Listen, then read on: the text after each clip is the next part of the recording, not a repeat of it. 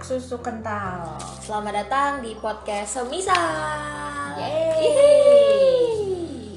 Dan senang sekali akhirnya kita bisa bertemu di episode berikutnya yaitu episode 5. Masih bersama kami dua host kampungan bernama Tika dan Sabit. Yihi, hari ini kita mau ngepodcast apa nih Bin? Nah, hari ini kita mau membahas tentang perubahan sosial. Waduh, Nah, materi kelas 12 tuh. Iya, pok- pokoknya kalau udah bilang perubahan sosial, ya pasti teman-teman semuanya udah tau lah kalau ini materi kelas 12. Nah, seperti yang sudah dipelajari teman-teman semua di kelas, perubahan sosial itu suatu perubahan yang terjadi di masyarakat yang mempengaruhi sistem atau tatanan sosial, baik itu eh, aturan atau nilai eh, maupun norma dalam suatu kelompok masyarakat. Nah, perubahan sosial ini bisa terjadi karena banyak faktor sebetulnya, Tik. Ya Apa kan? tuh? Nah, kayak yang udah dipelajari juga sama teman-teman di kelas nih. Ada faktor penyebab, ada pendorong sama faktor penghambat dari perubahan sosial ini. Nah, perubahan sosial ini eh, bisa disebabkan oleh eh, pertama demografi penduduk, kemudian ada eh, karena penemuan baru gitu. Kemudian ada juga karena bencana atau perang gitu. Nah, perubahan sosial ini eh, ketika terjadi dia bisa didorong oleh adanya eh, kontak dengan budaya lain, masyarakat yang heterogen, yang dinamis dan orientasi pada masa depan gitu. Mhm. Nah, namun juga terdapat faktor yang menghambat terjadinya perubahan sosial. Kayak misalnya eh, sifat tertutup atau eksklusif dari masyarakat itu sendiri dan eh, adanya pertentangan ideologi di dalam masyarakat itu sendiri. Oke, terus berdasarkan bentuknya perubahan sosial itu juga ada banyak banget ya. Uh, klasifikasinya kayak teman-teman mungkin udah belajar di kelas itu ada kayak berdasarkan waktu itu perubahan sosial dapat berbentuk secara revolusi ataupun evolusi. Kalau berdasarkan penyebabnya itu ada peru- ada perubahan sosial karena yang dikehendaki dan yang tidak dikehendaki Terus perubahan sosial juga terjadi dalam intensitas atau skala yang kecil juga skala yang besar.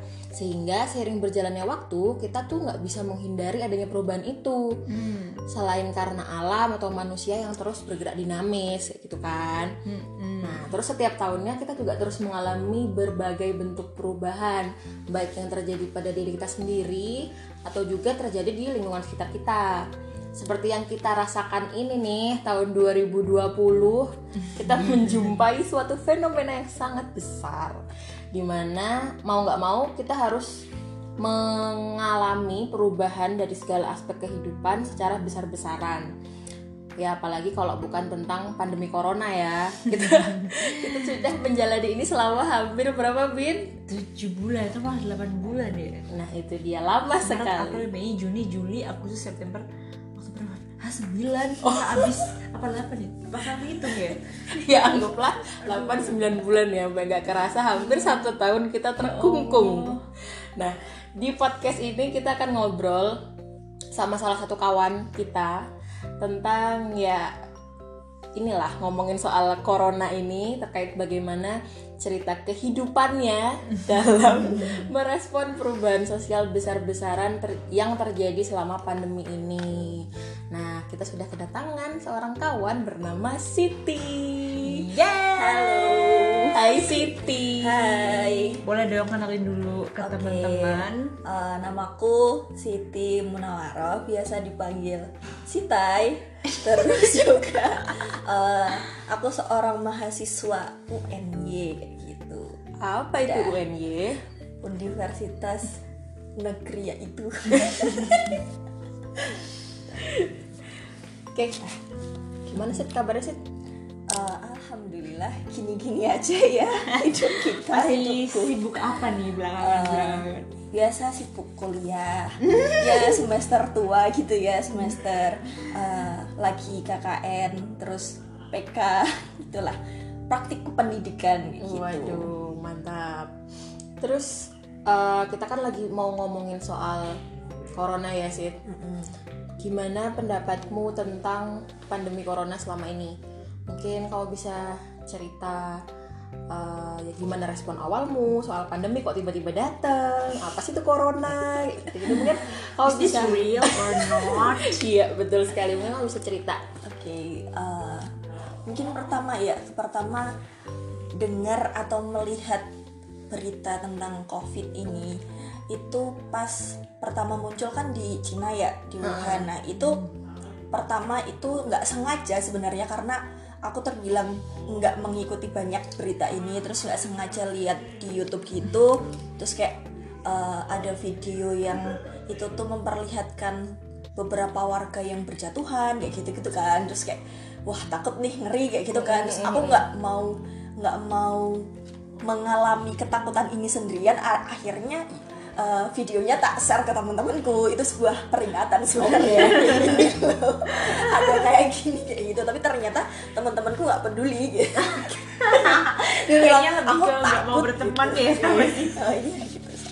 itu sih terus kayak ya intinya sih kayak kok bisa ya ada ada virus kayak gini yang sampai semengerikan itu karena posisinya dulu kan ya itu banyak warga yang berjatuhan tiba-tiba kayak gitu terus ngeri Agak kaget sih. ya kok bisa gitu tiba-tiba gitu. Dan jauh gitu di benar Cina. iya awalnya mikirnya kayaknya ini nggak mungkin deh sampai Indonesia nggak mungkin kayak gitu itu men- menenangkan diri sebenarnya Agak sombong gitu ya. Hmm, tapi kok ujuk-ujuk waduh Iya, dulu Sampai- kita waktu itu masih kayak kuliah bareng-bareng Iya, gitu masih nggak kuliah. nggak mengira bahwa ini tuh separah itu gitu Iya, ya. sampai Masih Februari gak sih? itu Iya, masih Februari. Februari sih. awal banget lah pokoknya Aduh. Dan kita kan sama-sama tahu ya pada akhirnya tuh pandemi ini benar-benar mengubah segala aspek kehidupan kita, terutama tahun inilah. Nah kalau di kamu sendiri sih perubahan apa yang kamu rasakan secara individu ya? Eh, yang pasti sih karena kan semenjak kasus pertama itu di, diumumkan di Indonesia kayak gitu itu kan langsung banyak sekali kebijakan-kebijakan yang salah satunya ada eh, apa sih PSBB ya itu. Pokoknya intinya isolasi mandiri di rumah kayak gitu. Itu kan benar-benar eh, yang awalnya banyak kegiatan di luar kita kuliah seperti biasa kayak gitu. Tiba-tiba harus kuliah di rumah harus eh, setiap hari ngadep laptop kayak gitu kan. Itu kayak sesuatu yang nggak biasa gitu biasanya kan kuliah ketemu uh, di kampus maksudnya di kampus ketemu teman-teman kita cuma dengerin nggak dengerin sebenarnya cuma datang ke kuliah kayak gitu Siti doang ya, Siti doang. oh iya, Aku enggak. oke gitu lah terus tiba-tiba Tidur. Yaudah aku makan deh di kantin. gitu lah koknya terus kok tiba-tiba harus di rumah kayak gitu nah itu paling besar ya mungkin eh, intensitas interaksi sama orang lainnya itu berkurang kayak gitu. Terus jadi ya banyak menghabiskan waktu di rumah. Terus ya mungkin perubahannya ya aku jadi banyak rebahan aja sih. tapi sebenarnya sangat sangat dicontoh ya Padahal aku tuh kayak mengharapkan jawaban yang apik gitu loh. kayak tiba-tiba dia membentuk satgas covid gitu ya di desanya apa gimana gitu ya itulah pokoknya Oke, berarti kayak aktivitasnya full of Iya. rebahan kayak gitu ya. nah, emang apa ya bisa dibilang perubahan dari corona ini kan apa ya ser- serba mendadak kayak gitu. Nah, terus kamu menanganinya kayak gimana nih? Kan aktivitasmu juga mungkin berubah dan untuk mengisi banyak mungkin kekosongan waktumu yang biasanya ke mana-mana ngelayap gitu.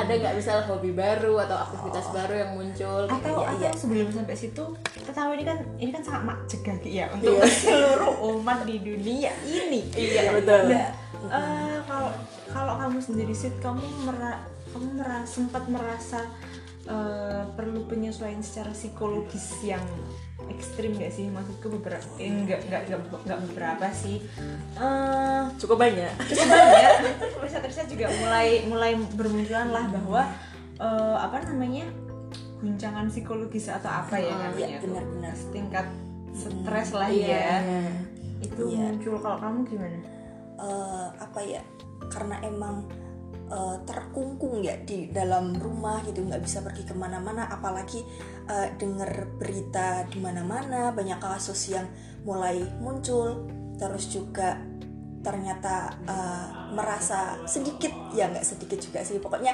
kecewa sama kebijakan pemerintah juga itu benar-benar benar-benar bikin stres kan. Nah, mungkin uh, hal baru yang yang beradaptasi kali ya beradaptasi untuk mengatasi uh, gangguan psikologis gangguan guncangan ini terus uh, hobi barunya ya mungkin dapat rekomendasi teman-teman juga adalah apa berkebun.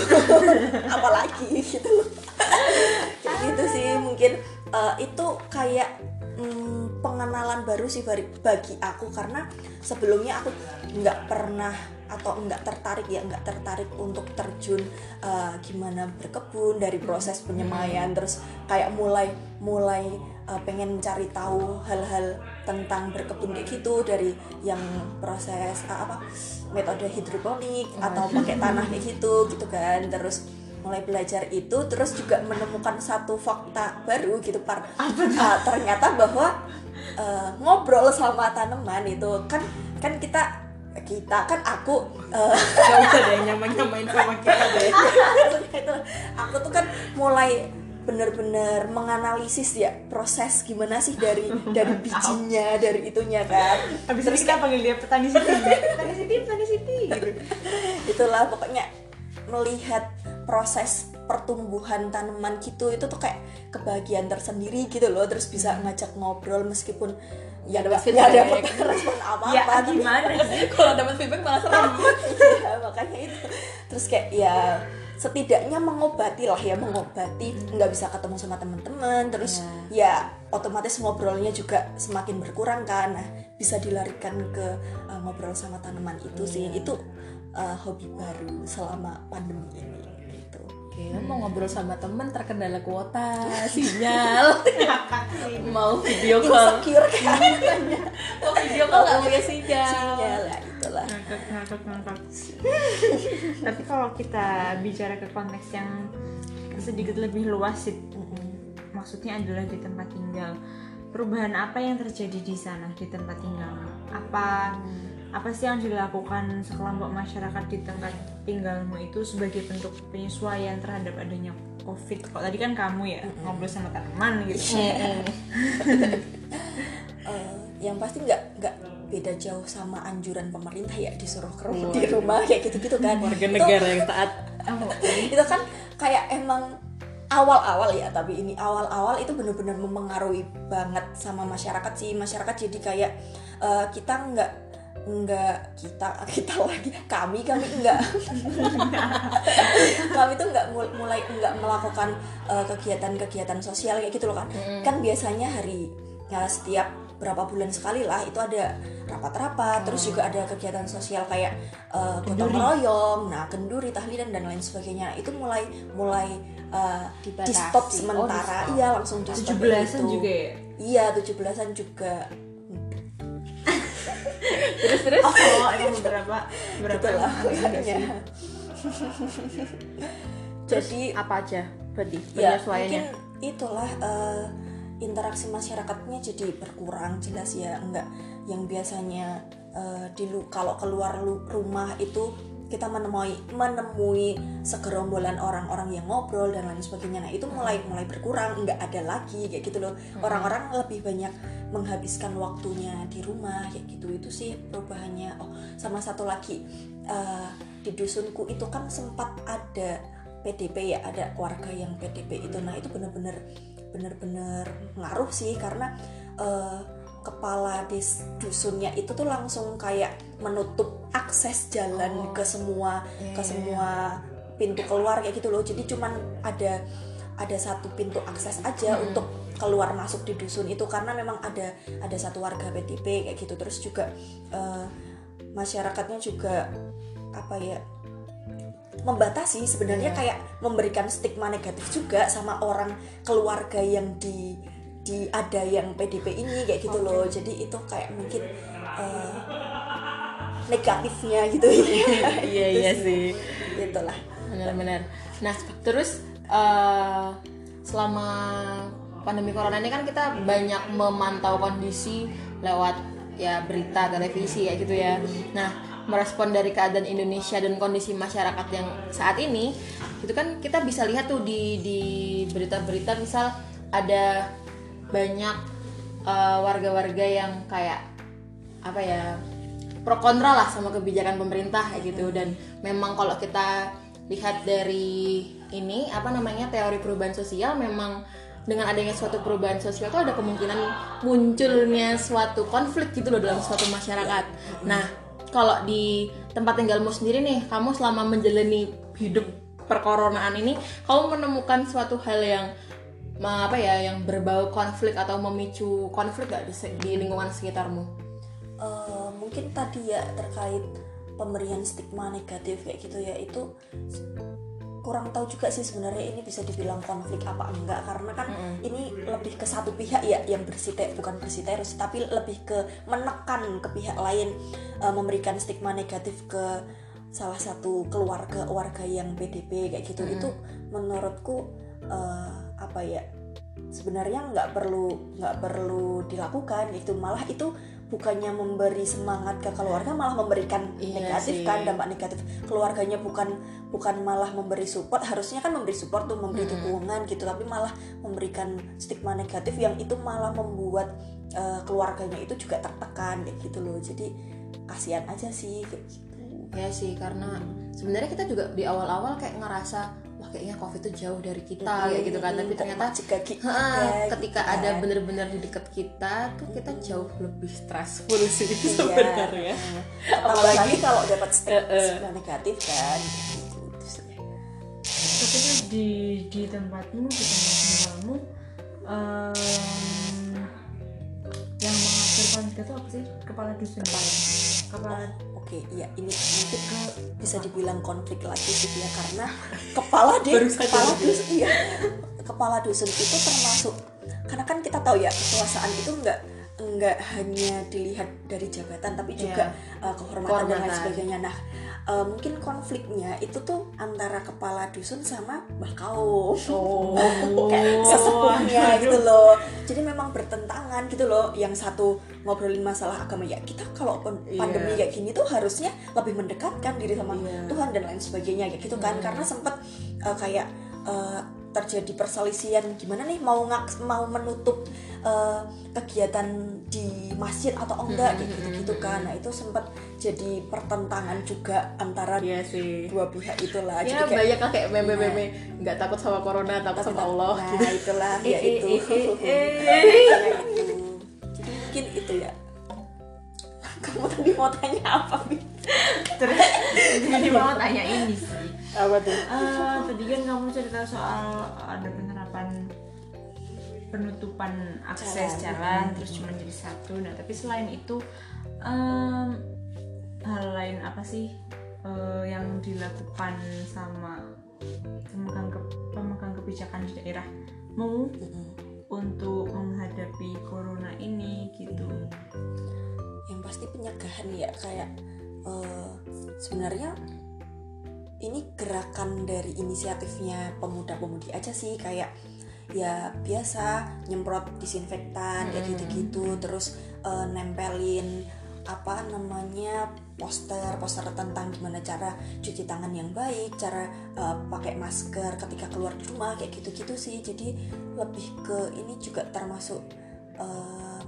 apa ya pencegahan dan juga uh, kegiatan sosialnya pemuda-pemudi gitu gimana biar terhindar dari covid ini kayak gitu-gitu sih. Jadi bukan ke karena terbilang di dusunku itu malah kepala dusunnya itu pasif nggak nggak punya kuasa yang kuat gitu loh. Dia terbilang lebih ke netral dan cari aman aja ya udah nyaman. Hmm. udah kondisinya. Karena kan waktu awal-awal ada kasus PDP itu sempat langsung rapat-rapat kayak gitu. Entah ini bisa dibilang satgas dusun ya gitu ya. Satgas dusun itu ya rapat-rapat dari uh, kepala desa dusunnya terus juga sama tadi mbah kaum uh, ketua RT terus ketua pemuda gitu-gitu. Tapi setelah yang PDP ini terkonfirmasi negatif itu tuh jadi kayak nggak ketat lagi udah kayak Oh. semua berjalan dengan normal. Padahal kan uh, di luar masih banyak kasus-kasus yang semakin banyak kan setiap harinya.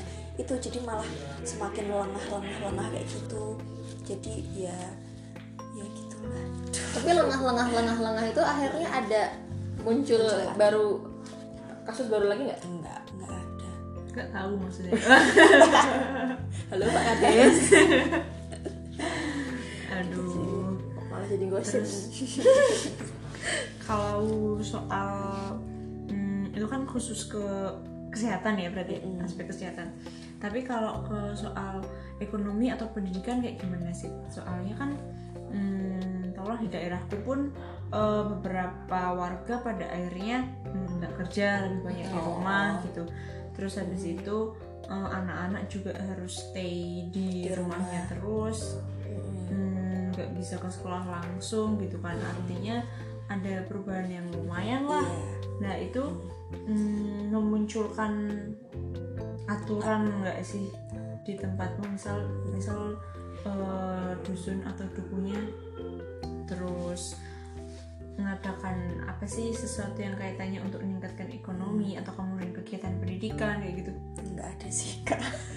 Jadi eh, apa ya eh, lebih ngikut ke kepala desa aja sih kelurahan. Jadi kan emang udah ada kalau masalah ekonomi nih eh, ada bantuan-bantuan kayak gitu kan. Nah, Mm-mm. jadi cuman penyalur aja kepala dusunnya itu enggak kemudian bikin suatu aturan atau kebijakan itu enggak sama sekali enggak ada.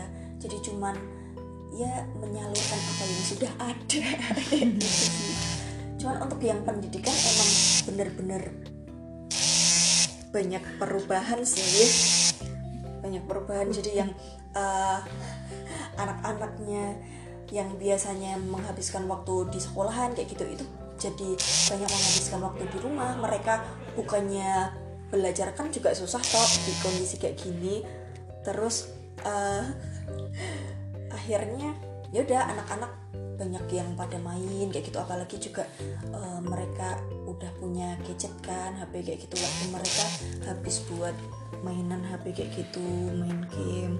Terus juga banyak sekali orang tua yang merasa merasa kayak sambat gitu loh. Wah ini gimana nih cara ngajarin anak-anak kok susah kayak gitu loh. Apalagi sekarang kurikulumnya kan beda banget sama zaman dulu gitu. Jadi mereka lebih ke sambat stres aja ngajarin anak-anaknya eh, gimana biar meski sekolah online mereka tetap belajar kayak gitu.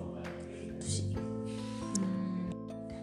Ya eh, mungkin ada tambahan lagi sih yang tadi pendidikan ya. Eh, emang eh, pengaruhnya perubahannya itu banyak banget yang yang dirumahkan kayak gitu yang di PHK terus di kerja pekerjakan eh dirumahkan sementara kayak gitu-gitu sih. Jadi ya jelas meng, eh, mempengaruhi pendapatannya dia kan. Jadi kayak pendapatan menurun gitu-gitu sih.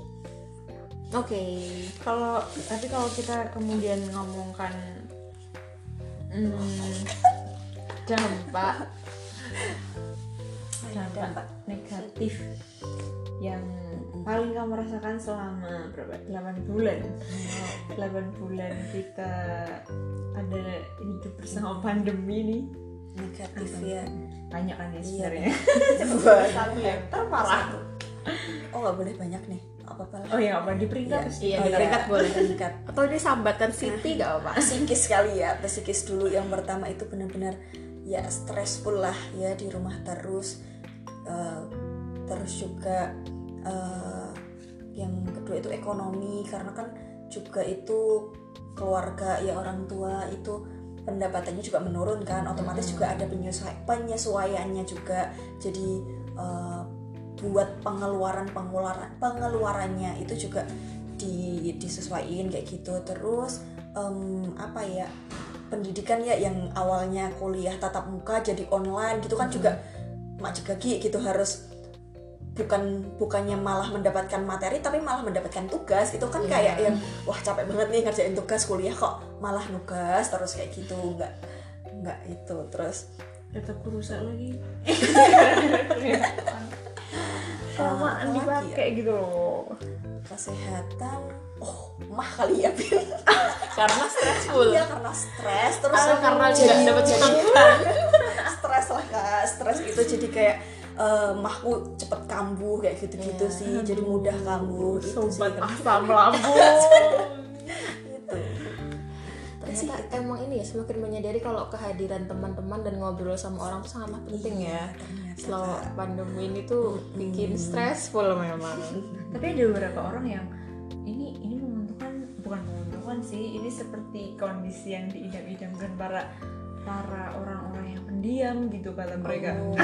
ada yang bilang gitu ya sebagian ya Yes. mereka nggak perlu nggak perlu apa sih namanya berhadapan dengan basa-basi Iya atau sih. dengan percakapan yang terlalu banyak gitu tapi kan ya macam-macam lah iya benar tapi ada satu keuntungan lagi dengan pandemi ini.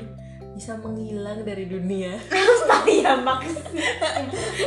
Ya maksudnya kan karena oh lebih me time lebih Oh, banyak. iya. Dan juga kan eh, istilahnya interaksi kita jadi kayak terbatas Nah, kayak gitu kan sama orang-orang jadi di luar. lebih ke apa ya banyak mencoba untuk memahami diri Nah. ya nggak sih? Kayak gimana sih cara mengatasi ini gitu. kontemplasi.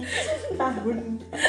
Tahun refleksi. Iya benar. Iya sih tapi benar. Benar, harus dimanfaatkan kak dengan gimana kita karena ternyata memahami diri sendiri itu penting banget gitu. Waduh. Jadi apakah ini masuk ke dalam dampak positif Oh, dari iya. corona ini sih? bisa dibilang oh iya iya bener karena awalnya mantap dan awalnya lebih ke abai sama kondisi diri gitu ya lebih ke- ka- karena adanya pandemi ini duniawi banyak duniawi duniawi banyak menghabiskan waktu akhirat. keluar gitu terus lebih ke ya menghabiskan waktu untuk merenung gitu Oh, merenung. Nah, selain lebih banyak merenung nih, apa dampak positif lagi yang kamu rasakan selama pandemi? Mungkin bisa bisa eh, terhadap kamu sendiri atau yang kamu rasakan di lingkungan sekitar. mungkin ya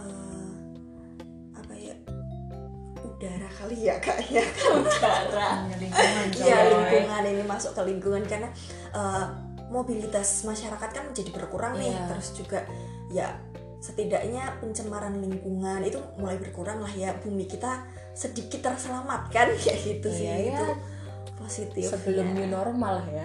iya Sama aja. iya itu Itu kayak cuma dua bulan mungkin. iya bener banget. Dunia mulai sepi tapi lama tapi tiba-tiba ya. kayak yang hmm, menjadi belum normal tapi kok udah kayak normal lagi ini gimana ya tapi juga nggak bisa nyalahin karena mereka punya alasan sendiri entah ya kondisi ekonomi dan lain Iya. sebagainya ya hidup gitu harus sih. tetap berjalan walaupun berdampingan dengan corona. Corona. Pas tetap berjalan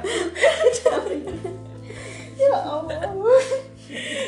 Itulah. Apalagi udah tuh positifnya itu aja yang kamu rasakan. ya oh mungkin lebih dekat sama keluarga sih ya. Yang awalnya. Oh, tersentuh hati aku. itu sih.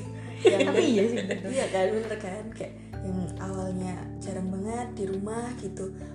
Terus tiba-tiba di rumah terus ya mau nggak mau berinteraksinya juga sama keluarga kayak gitu ya. Jadi menambah apa ya eh, keharmonisan. ya, ya Ya, gitu bisa lah ya, ya. indikator. karena awalnya kan sempet yo jarang di rumah gitu ya. Mm, ya nggak sibuk juga sih jarang Iya, pulang iya. sih Oh, iya. itu itu tapi iya sih benar lebih aku jadi lebih sering bisa makan di meja makan bareng Iya, iya sih. itu itu emang sesuatu hal yang sangat jarang dilakukan sih selama belum corona. karena kadang kegiatan kampus kan eh, sering banget sampai malam. Iya kayak nggak pernah pulang juga. Iya. Bangun pagi langsung langsung berangkat, pulang pulang jam malam. 12 Rumah tuh kayak cuma ini? tempat tidur aja kayak gitu ya. tempat untuk bersinggah. Nunut ngombe madang tuh.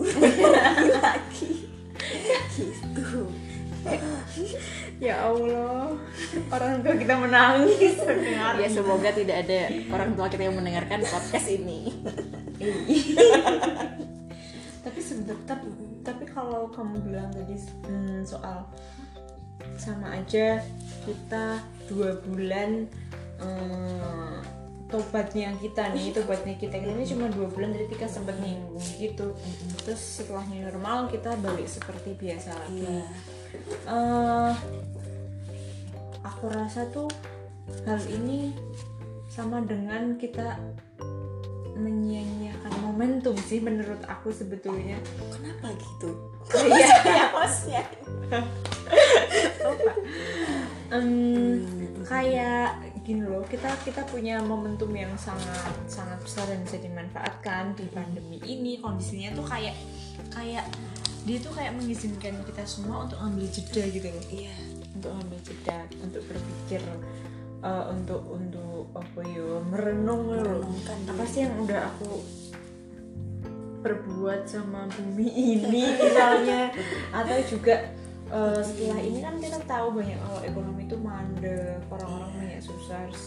Kita bisa mikir juga bahwa apa sih yang kita lakukan sama kita kayak gitu loh. Mm-mm.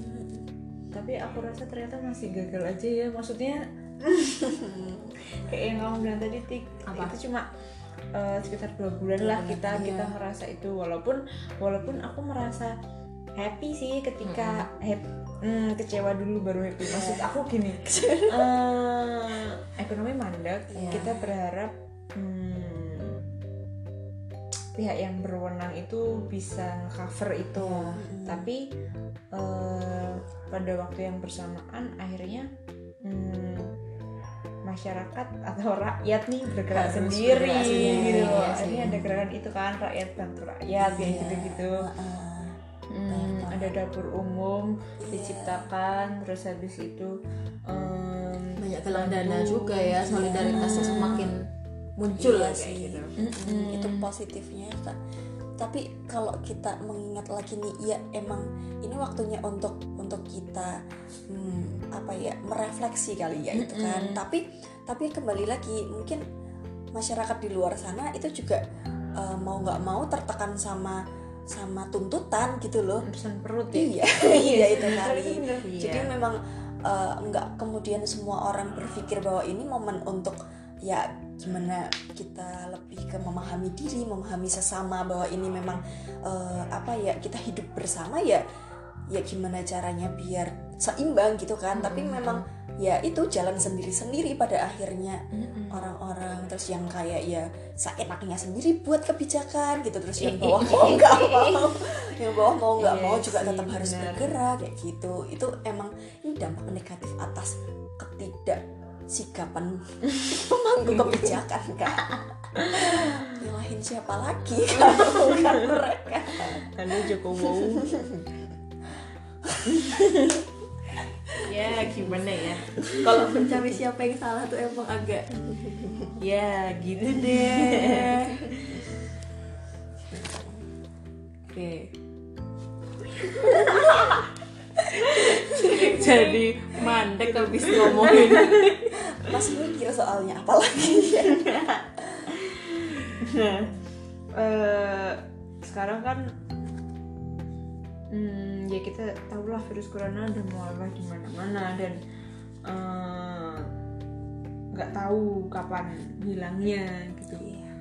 Waktu awal-awal kita sering banget dengar, ah ini kayaknya Idul Adha dah hilang deh. iya Terus habis itu terus karena menurut kondisi suka ada prediksi-prediksi Ah, gitu ya. Prediksi September sudah turun. nyatanya sekarang bulan November. Kasusnya udah wah, gila empat ratusan ribu tuh loh kayak Iya, ngeri sih. Tapi yang lebih ngeri adalah eh, masyarakat di kita itu tuh ngerasa kayak seolah-olah ini udah nggak terjadi apa-apa gitu loh. Semua serba kayak normal kembali gitu udah melupakan apa yang sebenarnya sedang terjadi gitu.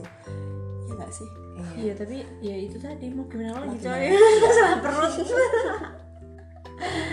Ya Aduh, banyak sih yang berubah. Nah, nah di podcast ini seperti namanya ya sih podcast. Misal, aduh kami mau ngajak kamu untuk ber, bermisal-misal, berandai-andai. Hmm, semisal. Bisa kamu bisa membuat satu virus dan bisa kamu sebarkan ke seluruh muka bumi ini. Virus apa yang mau kamu buat? apa ya? Hmm. em, yang bisa mungkin yang bisa mempengaruhi ini ya ya? cara hidup ya bersama untuk orang banyak kita tuh yang bisa merubah segala aspek juga seperti corona ini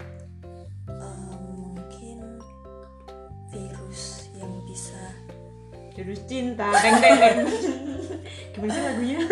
Ada ya? Gambarkanlah virus ada tahu ih norak norak. Kira 19 kalau nggak salah nggak penting.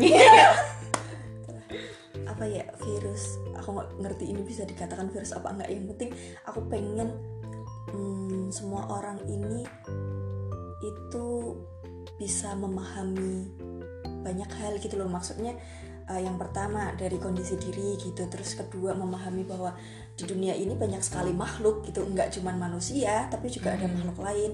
Hewan tanaman kayak gitu-gitu. Nah ini kan virus. Kalau virus corona ini juga tadi ya kita udah ngobrolin dampak positifnya eh, bumi kita semakin membaik gitu. Nah harapannya ya ya ini ini akan terus ada gitu loh. Gimana meskipun manusia atau makhluk semua makhluk itu yang ada di muka bumi ini hidup itu ya bisa apa ya hidup berdampingan, berdampingan gitu ya. seimbang gitu loh. Jadi ya manusia nggak serakah memahami bahwa ada makhluk lain di dunia ini gitu. Ada tadi hewan-hewan kayak gitu. Itu virus bukan ya? Ya bisa lah. virus cinta virus lain ya virus cinta. Itulah sebarkanlah Akhirnya ketemu lagunya. Pokoknya sekali nggak pernah dengar lagu itu sih. Aku nggak. Pernah pernah. Pernah. tapi kayaknya judulnya bukan itu guys. Emang cinta iya ya semoga Ya, besok itulah. ada ya orang yang bisa menemukan formula khusus untuk membuat dunia ini jauh lebih baik kayak gitu ya. Pengennya ya Sit ya. Ya itu sih. Kami juga bersemisal semisal Semisal. iya. Nggak apa aja berandai-andai aja kalau nggak kejadian ya. kayak drakor lah. Apa? ya? maksud aku hmm, di kehidupan nyata nih kita sudah melihat terlalu banyak. Ya. Gitu kesedihan Iya. terus apa ya hmm, keburukan dan sebagainya. Drama itu kan seperti uh, imajinya manusia terhadap hmm, kehidupan macam apa ya yang bisa kita ciptakan selain yang sudah ada bersama kita saat ini itu betul sekali sih Betul. Mantap sih ya. Oke. Nah, berdasarkan obrolan kita tadi ya, kita udah ngomongin ngalor, ngalor ngidul tentang uh, pandemi corona yang yang terjadi di kita. Kalau kita analisis kajian sosiologisnya, uh, pandemi corona ini termasuk salah satu perubahan sosial yang skalanya besar dan jelas tergolong uh, sebagai perubahan sosial yang tidak kita kehendaki ya. Kak. Dan iya. balik ini adalah penegasan. iya oke Nah, bisa kita bilang juga faktor penyebabnya itu kan adalah bencana. Jadi kita nggak bisa mengontrol dan juga menghindar dari hal tersebut dan mungkin ke depan ke depannya akan ada seperti ini yang lebih banyak kayak gitu. kalau kita juga menilik kembali soal tahapan perubahan sosial hmm, itu ada empat tahapan yang bisa kita sebut sebagai tahap adaptasi atau penyesuaian terhadap perubahan yang ada itu yang pertama eh, kemudian diikuti dengan saluran perubahan apa yang perlu dilalui misalnya negara, lembaga masyarakat dan lain sebagainya gitu. Nah, dalam perubahan sosial yang masif seperti pandemi ini hmm, juga memungkinkan munculnya disintegrasi atau konflik di masyarakat kayak yang tadi sudah Siti bagikan ke kita ya apa yang terjadi di desanya kayak gitu. Nah, meskipun demikian pada akhirnya kita juga akan mencapai tahap reintegrasi di mana nantinya terdapat proses pembentukan norma atau tatanan sosial baru dalam menghadapi perubahan sosial tersebut. Mungkin yang sekarang ada eh, yang kita sebut sebagai normal itu, Iya. hmm, bisalah eh, kita lihat sebagai bentuk penyesuaian atau reintegrasi dari apa yang tadinya hmm, berubah kayak Iya. gitu. Mungkin dari gaya hidup, kemudian yang lebih penting sih cara berpikir kayak yang tadi kita omongkan lah. Ada apa? eh, itu bisa mengubah cara berpikir kita mengenai bagaimana kita mengetrit itu apa sih memperlakukan. Kayak mikir. di Eropa Iya kayak gitu. Jadi apa ya? Kayak berdasarkan eh, apa yang kita alami dan semua orang alami saat ini benar-benar sangat-sangat real gitu loh untuk kita mempelajari perubahan sosial. Ini adalah sangat-sangat contoh nyata. Kayak gitu. Apa namanya? Eh, dari tahapan berdasarkan teori tahapan perubahan sosial tadi kita udah kita udah benar-benar mencapai tahap reintegrasi lah ya sekarang. Penyesuaiannya udah lewat sejak lama kayak gitu. Sekarang sudah mulai banyak new normal new normal yang baru lah ya. Kayak apa namanya kayak tata cara hidup yang baru. Kayak gitu. Punya punya apa ya perhatian dan kepedulian yang lebih tinggi lah ya terhadap kesehatan. Iya, itu hal yang cukup dilupakan ya sebenarnya. selama Selama ini ini. ini. Iya, sebatas menjaga kebersihan tuh sebenarnya. Sekarang harus diingetin. iya. Pakai virus. Ada tuh 8 bulan. Agak lucu ya sebenarnya. aduh Emang unik sekali dunia ini. Udah.